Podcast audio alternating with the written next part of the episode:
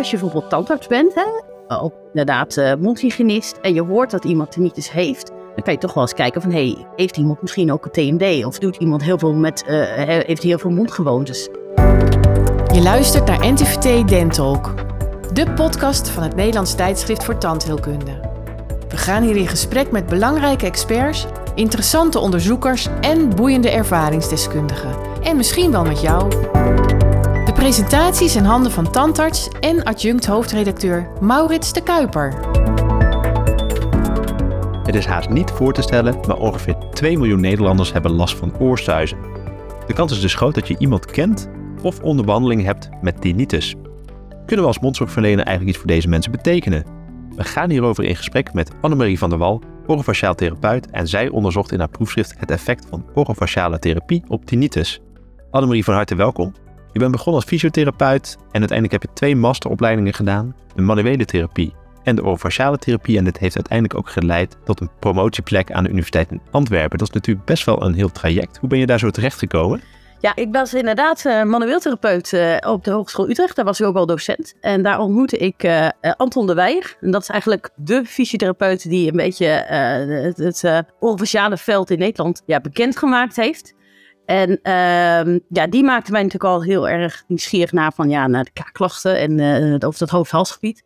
Dus toen ben ik heel snel ben ik uh, fysiotherapie gaan studeren. En uh, daarna vond ik toch het promoveren ook leuk. En het viel mij gewoon op dat TMD-patiënten heel vaak tinnitus hadden. En ja, met toeval kwam dus in Antwerpen een promotieonderzoek vrij over TMD en tinnitus.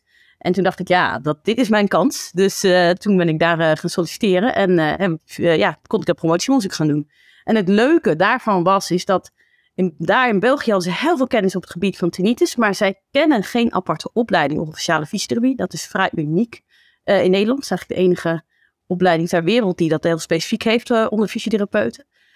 En um, ja, maar zij hadden dus wel heel veel kennis op tinnitus, dus het was echt een hele mooie combinatie. Dus in Antwerpen hebben ze die kennis ingevlogen en het was ook meteen een mooie kans voor jou. Ja, ja ik heb daar ook echt enorm veel kunnen leren. Ja. En je bent uiteindelijk gepromoveerd op het onderwerp tinnitus en met name de rol van TMD hierin. Maar laten we eerst beginnen bij de vraag, wat is tinnitus eigenlijk? Um, ja, tinnitus is eigenlijk het horen van een piep, een brom, een ruis, een suis. Ja, er zijn eigenlijk wel 200 geluiden beschreven in de literatuur. Uh, het kan eigenlijk aan één oor voorkomen, maar ook eigenlijk in het hele hoofd. Aan allebei de kanten. Ja, je hebt heel veel verschillende vormen. En eigenlijk is elk patiënt weer uniek, vind ik altijd.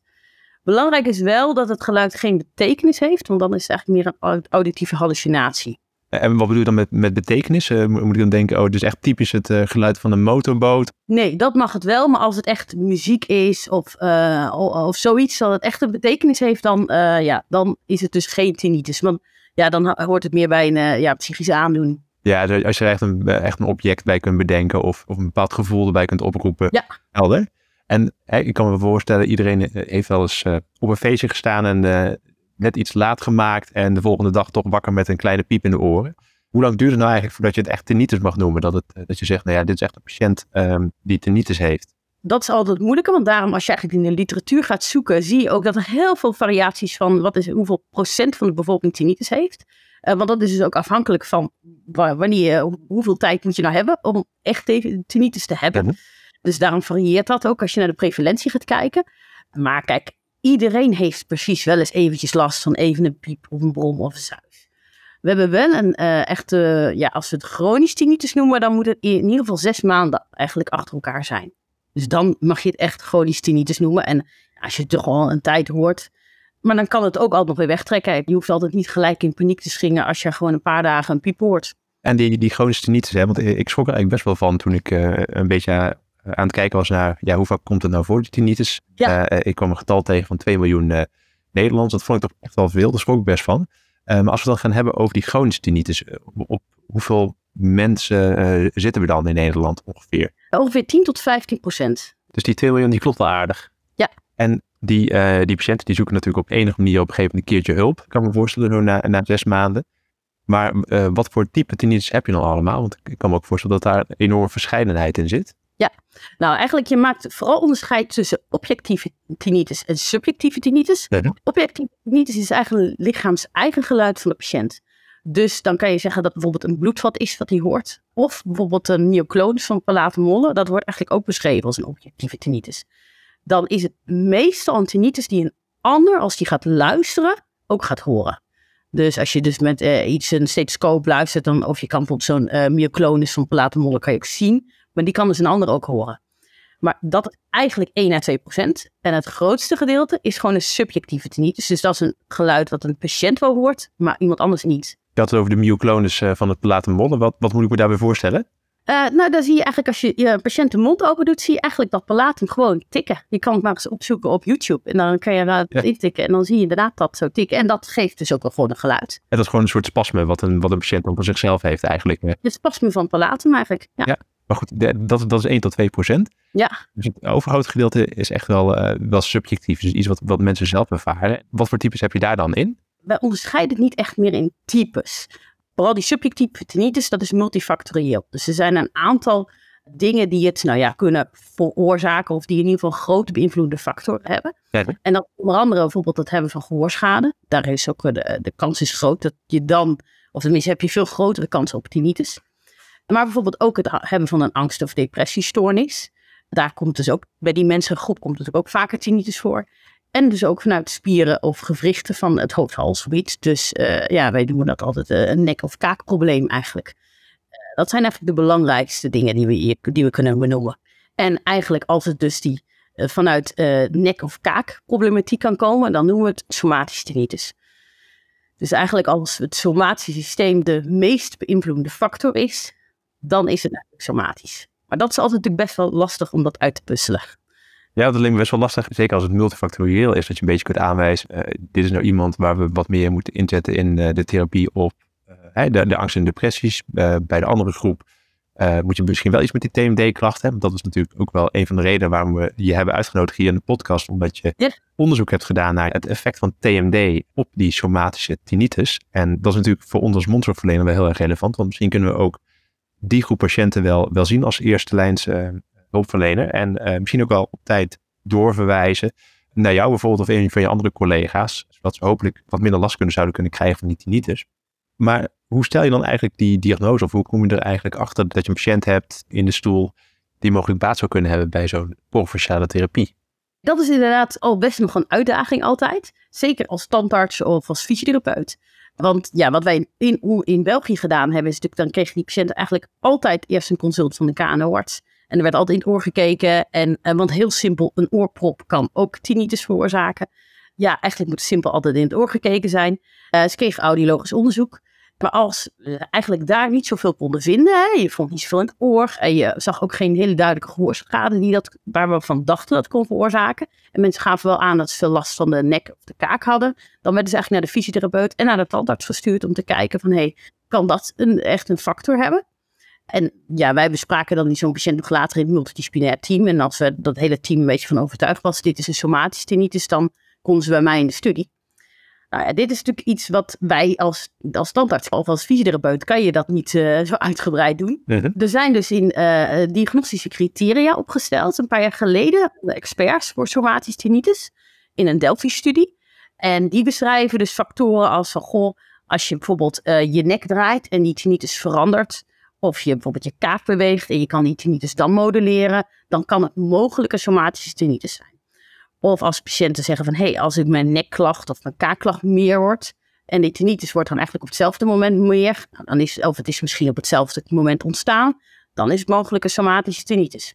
Dus dan moet je eigenlijk wel een beetje een relatie kunnen leggen tussen de TMD-klachten en de tinnitus dat grappig is, dat zou je denken. Ja. Alleen ook een van de criteria is bijvoorbeeld ook het fors bruxeren of bijvoorbeeld hebben van TMD. En eigenlijk als ik bijvoorbeeld kijk naar een van mijn beste patiënten in de studie, uh, daar heb ik ook gekeken van, hé, hey, wat kan die, wat, hoe zag nou die patiënt eruit? En hoe voldeed hij nou aan deze criteria die ik net benoemde? Nou, eigenlijk nergens aan, behalve dat ze inderdaad gewoon een TMD had en een bruxeerde.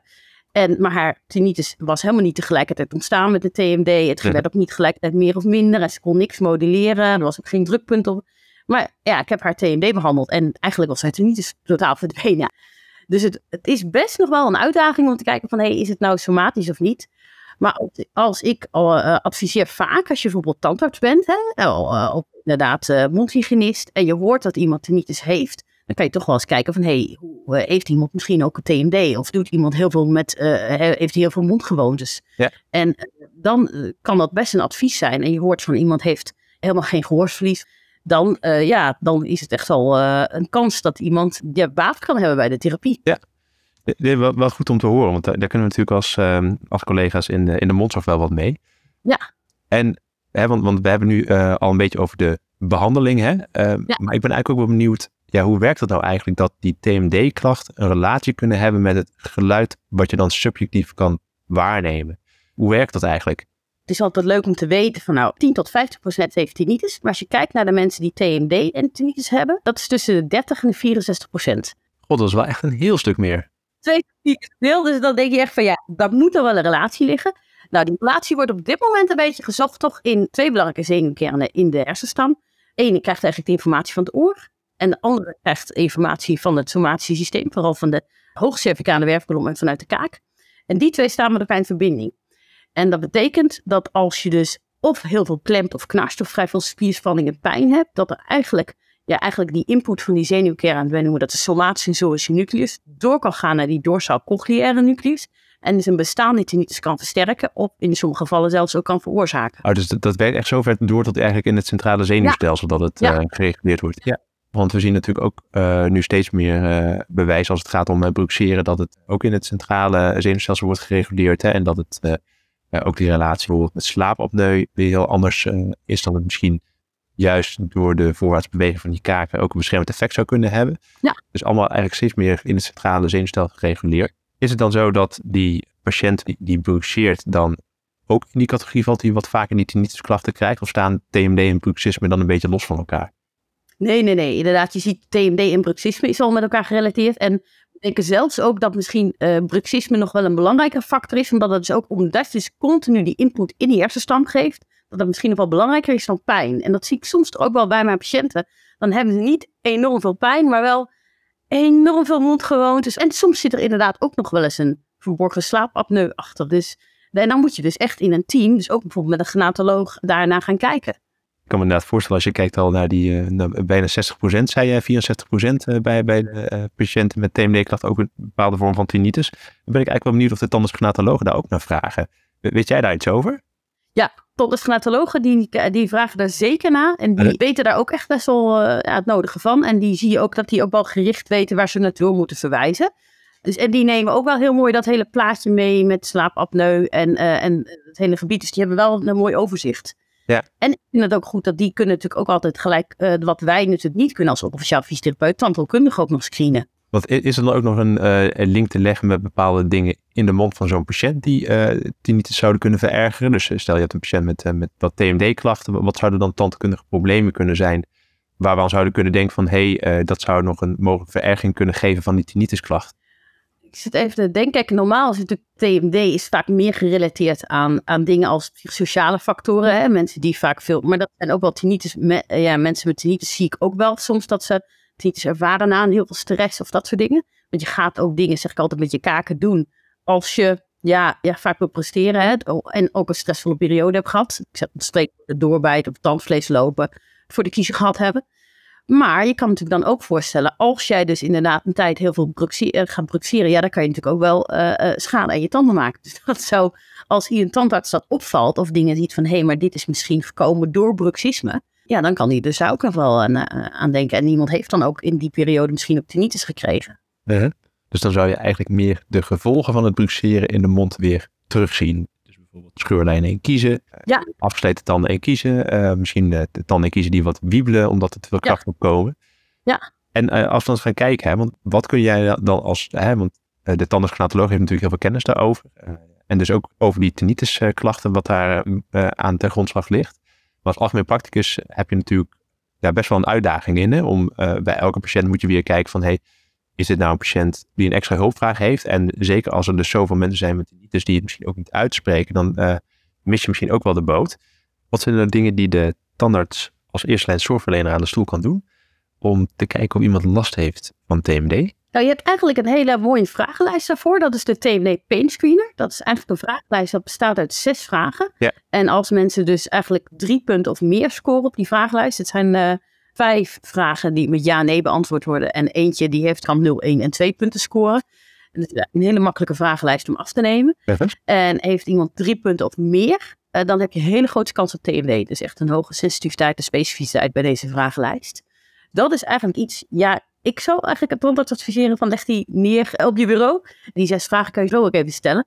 En als je daar heel veel dus inderdaad uh, ja-antwoorden hebt, dan uh, heb je in ieder geval een grote kans op TMD. Maar dus ook mogelijk dat een TMD en tinnitus met elkaar gerelateerd is. Ja, je hebt natuurlijk onderzoek gedaan naar die somatische tinnitus. Hè? Met name dan wat jouw therapie uh, voor effecten hebben op die somatische tinnitus. Kun je ons wat meer vertellen over je onderzoek en wat je precies onderzocht hebt? Ja, nou ja, we hebben eigenlijk onderzocht of orofaciale behandeling effect had op mensen met somatische tinnitus. En wat hadden we eigenlijk gedaan? Nou ja, we hebben dus uh, die patiënten de fysiotherapie gegeven, dus een orofaciale fysiotherapiebehandeling. En soms ook een opweeplaat. Dat was afhankelijk van de, de tandarts screende dat bij ons in het onderzoek. En als die dacht van, hé, hey, dat uh, kan simpel zijn, dan krijgt zo'n patiënt ook een opweeplaat. Okay. En de TMD-behandeling, ja, waar bestond dat uit? In ieder geval een stukje counseling rondom het uh, TMD. Van, goh, wat is het? En wat beïnvloedt nou zo'n TMD? Hè? En misschien wat adviezen, dat ze even wat hart- en tuinvoedsel moeten mijden, dat soort dingen.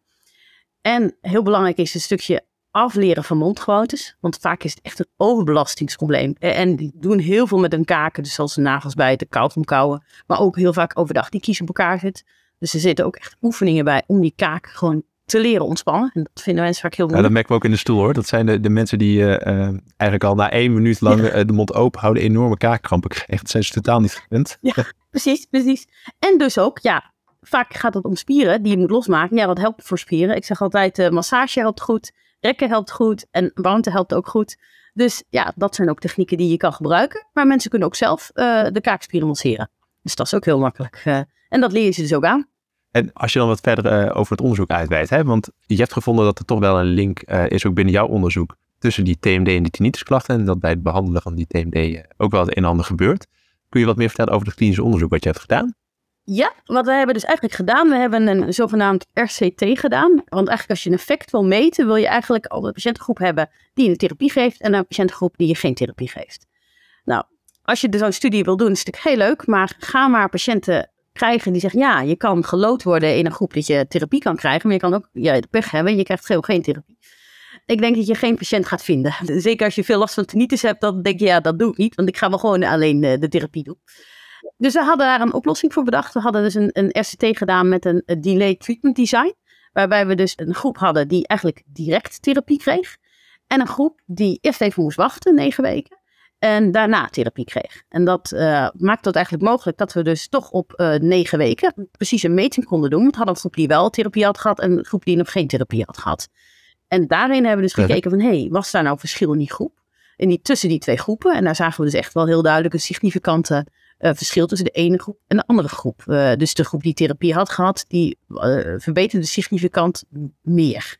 En ook klinisch relevant meer. Ja, dat, is dan uh, de tinnitus score die jullie uh, voor het onderzoek hadden gemeten, denk ik. En dan na, uh, ja. na die negen weken, hè, waarbij de ene dus al behandeld ja. waren, de andere dan nog, dan nog niet. Precies. Ja. En uiteindelijk vonden we ongeveer dat 60% van de patiënten een klinisch relevante verbetering hadden. Dus een merkbare verbetering voor de patiënt. Dus ja, dat is toch best mooi. Zeker in, in een tinnituspopulatie die behoorlijk chronisch was. Het was echt wel zo dat wij en mensen hadden met al jaren tinnitus in de studie. Dus ja, dat was toch best wel een mooi resultaat. Ja. ja, dat is ook wel heel fijn hè. Dat biedt toch wel in sommige uitzichtloze situaties toch wat hoop. Zeker voor de mensen die de hele tijd de piep horen en uh, ja, soms ook wel tot de waanzin worden gedreven. Ja. En ja, je had het over een delay treatment design. Dus na die negen weken hebben jullie gekeken of er een verschil was. En dat was er dus al blijkbaar. Ja. En wat hebben jullie vervolgens gedaan met die groep die de, na negen weken werd behandeld? Ik neem aan dat je daar ook nog uh, het een en ander op hebt gemeten of aan hebt gevraagd. Dus wat we heel mooi konden zien eigenlijk, is dat we dus uh, eerst de, de groep die therapie kreeg, uh, die, die directe groep, die verbeterde heel mooi. En daarna zag je op het moment dat die, die leedgroep therapie kreeg, zag je ook dat die ook een hele duidelijke verbetering uh, maakte. Dus ook een hele mooie daling in, ja, wij noemen dat de tinnitus functional index. Dat is op een, een vragenlijst eigenlijk. die had dus een hele, ja, je ziet gewoon echt een duidelijke daling van die, die TFI-score. Ja. En, en dan een hoogscore wil zeggen dat je enorm last had van tinnitus. En als die score laag is na behandeling, dan weet je dus eigenlijk van, nou, dan heeft mijn behandeling wel succes gehad. Ja, moet ik wel bij zeggen. Het is wel zo dat we vaak de tinnitus kunnen verminderen, maar helemaal wegkrijgen. Dat is zeker op zo'n chronische groep. Ja, dat, is, dat, dat beloof ik nooit aan een patiënt. En enkele keer zie je wel eens iemand die het heel goed doet, maar het is van de 100, meer dan 100 patiënten die ik in mijn studie zag, waren dat er een paar waarvan de tinnitus verdween. Ja, dat heeft dus ook met verwachting benefit te maken. Hè? Ja. Nou, de, daar weten wij uh, binnen de tand kunnen ook alles van. Ja, precies. dus uh, ja. Nee, uh, dat lijkt me inderdaad heel erg belangrijk ook om het te doen. Hè? Dus dat je ook begint met het stellen van reële verwachtingen bij zo'n patiënt. Ja. Maar je had het ook over patiënten die eigenlijk al jarenlang last hadden van tinnitus. Maar waarom heeft het zo lang geduurd totdat zij uiteindelijk eigenlijk meer het TMD-traject in zijn gegaan? Lag dat meer in de diagnostiek dat het heel lastig was? Of dat ze gewoon er zelf dachten van ja, er kan waarschijnlijk toch niks aangedaan worden. Of ik heb er nu nog geen last van. Nee, ik denk dat echt een deel nog in de diagnostiek lag. Dat het gewoon nog niet bekend is. Uh, Ja, zie je nog wel vaker in, in Nederland, maar ook in België. Dus inderdaad, ja, mensen al bij verschillende KNO-artsen zijn geweest. En dat die KNO-arts toch niet een link legt met de kaak. Had laatst eigenlijk ook een patiënt en die, uh, die was bij de KNO-arts geweest. En die KNO-arts had eigenlijk gezegd van ja, ik weet echt niet, maar dit kunnen mogelijke oorzaken zijn. En had hij dus op het end de kaak ook genoemd. En toen zei hij, maar ja, dat zal je wel niet hebben. En toen had die jongen gezegd, ja, maar ja, ik heb juist een paar keer de kaak uit de kom gehad het kan daar misschien wel aan liggen. En ja, soms dan, uh, ik, ik zeg altijd, het is heel goed om het uh, soms te benoemen. Denk ik als standaard zijnde of als mondhygiënist. Van uh, noem dat het mogelijk een relatie kan hebben. Want ik merk zelf dat patiënten zelf dan soms, als ze daar wel een probleem mee hebben, dat daar in ieder geval op gaan letten. En dus dan getriggerd worden en denken van, hé, hey, dit kan misschien wel voor mij helpen. Ja, dat, dat, lijkt me, dat lijkt me een heldere boodschap. Want zeker als er zoveel mensen last van hebben, en zeker die groep van TMD-patiënten, die zien we toch ook wel met regelmaat in de praktijk, dan eh, is het denk ik ook wel een goede vraag om even toe te voegen aan je arsenaal. Hè? Van, goh, heeft hij ook nog eens last van de oorsuizen? En dan kunnen we misschien ook daar wat in betekenen. Ja, um, ja. En want zoveel tandartsgelatologen hebben we ook weer niet in Nederland. Uh, dat blijkt nee. ook wel uit de infographic die we laatst vanuit de NTVT hebben gelanceerd. in Noord-Nederland hebben we er maar één. en dat is mijn collega hier in de hoofdredactie. um, dus het is toch wel heel fijn als jij in, in, je praktijk zit, dat je ook nog wel wat aan die signaleringsfunctie kan doen wil ik eigenlijk gewoon afsluiten met eigenlijk, ja, wat valt er dan nog allemaal te onderzoeken? Want als ik dit zo hoor, is het nog best wel een jong vakgebied. Hè? Dus, dus er is nog heel veel in te ontdekken. Wat zijn jouw ambities daarin? Nou, mijn ambities zijn in ieder geval om te gaan kijken of wij als fysiotherapeut, want wat merk ik dus nu in de praktijk? Ja, ik krijg dus nu veel tinnitus patiënten, maar ik krijg ook angst. Ja. want iedereen gaat vragen, oh, jij kan er wat mee, dus ja, die komen bij mij. En uh, dat ik nog steeds zit van, hé, hey, wie moet ik nou, als iemand dus nog niet echt goed bij een huisarts of bij uh, een, een KNO-arts geweest zijn, of ze hebben er niet heel veel onderzoek gedaan, waar moet ik nou op screenen? Dus er moeten, zijn er dingen, belangrijke factoren waarvan ik even naar moet kijken. En uh, moet iemand niet altijd een gehoortest even hebben? Nee. En door wie dat moet dat dan even gedaan worden? Ik denk dat we daar echt al nog een eerste stap moeten maken. En als we dat ook beter kunnen, uh, als fysiotherapeut. Want dan hoop ik ook dat we natuurlijk de categorie gaan houden die, waar we echt goed wat mee kunnen. Uh, en daarnaast denk ik ook dat het ook wel vaak multidisciplinair aangepakt moet worden. Want je kan natuurlijk ook net zo goed een patiënt hebben die TMD, maar dat, wat ik al zei, psychische factoren spelen ook vaak een rol. Dus misschien moet je dan wel soms met een psycholoog samenwerken. Maar anders kan, uh, nou ja, misschien is er inderdaad wel een onderliggend probleem met uh, slaapstoornis. Uh, -huh. Waar je dus naar moet kijken. Of ja, we kunnen alle, er zijn echt denk nog wel disciplines die we kunnen bedenken. Of een goede audioloog die daar op dat gebied adviezen kan geven. Dus ik denk dat we ja, ook nog moeten gaan kijken van hey, met wie moeten we soms samenwerken bij zo'n uh, bij zo'n patiënt. En dan denk ik dat we veel betere resultaten kunnen behalen. Ja, ik wil zeggen, hè, want je had het eerder over die verscheidenheid van mogelijke oorzaken van zo'n uh, subjectieve uh, tinnitus. Dan is het ook wel belangrijk dat je ja, de juiste patiënten op de juiste plek weet te krijgen. En als iedereen met tinnitus naar jou wordt verwezen, maar de oorzaak ligt bijvoorbeeld in angst en depressie, dan kun je, kun je masseren wat je wil. Nee, precies. Nee, nee. Ja, maar inderdaad, een multidisciplinaire setting klinkt dan eigenlijk het meest voor de hand liggend. Hè? Dus dat lijkt me wel een hele uitdaging om daar uh, mee aan de slag te gaan. Ja, precies, precies. En, en, en ik denk de rol voor de tandarts om dan soms dus ook een opweekplaat daarbij te kunnen maken. Als, dat, ja, als mensen natuurlijk daar veel klemmen of knarsen bruxeren, dan uh, kan dat toch soms zinvol zijn. Ja. Hey, uh, je bent nu nog steeds verbonden aan, aan de universiteit. Hè? Wat zijn je plannen eigenlijk voor, voor de nabije toekomst als het gaat om, om jouw vakgebied en dat wel wat meer bekendheid te geven. Eén deel is natuurlijk deze podcast, maar wat zijn je ambities nog meer? Ja, nou ja, we zijn nu bezig om op ACTA ook wat meer onderzoek uh, te gaan kijken. Want we krijgen natuurlijk best wel heel veel TMD en ook, ook wel patiënten. Om daar dat nog weer beter in kaart te brengen. Dus dat, uh, dat stukje. En inderdaad wat meer voor fysiotherapeuten om te kijken. wat kunnen we op screeningsgebied inderdaad uh, gaan doen. Dus dat is een, een deel. En ja, mijn wens is ook mooi als je op den duur misschien wel een soort vragenlijst voor somatische tinnitus kan maken. Ala wat ik net zei, zo'n TMD pain screener. Als je ook zo'n zes vragen kan ontwikkelen en dan heb je een grote kans op somatische tinnitus. Dat zou natuurlijk helemaal mooi zijn voor de praktijk. Maar dat is denk ik, uh, dat ligt nog wat verder weg. nou, het lijkt me een heel mooi streven. En uh, dan natuurlijk van harte welkom om weer een keertje aan te komen schrijven om uh, ja, ons ja. te scholen. Want ik denk, als je met een hele mooie doeltreffende vraaglijst komt die iedere mondzorgprofessional makkelijk en zijn of haar praktijk kan verwerken, dan is dat van harte welkom. Hey Annemarie, ik wil je van harte danken voor dit interessante gesprek. Het heeft echt een aantal nieuwe inzichten bij mij gebracht die, die ik van tevoren niet had. Dus dat vind ik eigenlijk altijd heel erg leuk. En ik hoop ook dat het voor de luisteraars het een en ander heeft geopend. En hopelijk ook uiteindelijk ten goede komt aan de patiënten die wij dagelijks in onze stoel hebben. Waarvan dus ook een heel groot gedeelte kan met tinnitusproblemen, misschien meer dan je denkt. En we zijn hiermee aan het einde gekomen van deze Dentalk podcast, waar we in gesprek waren met Annemarie van der Wal over tinnitus en TMD-klachten. Dank voor je aandacht en tot de volgende Dentalk podcast. Dit was NTVT Dentalk, de podcast van het Nederlands tijdschrift voor tandheelkunde. Heb je tips of leuke vragen voor ons? Laat het ons weten via redactie.ntvt.nl. Bedankt voor het luisteren en graag tot de volgende keer.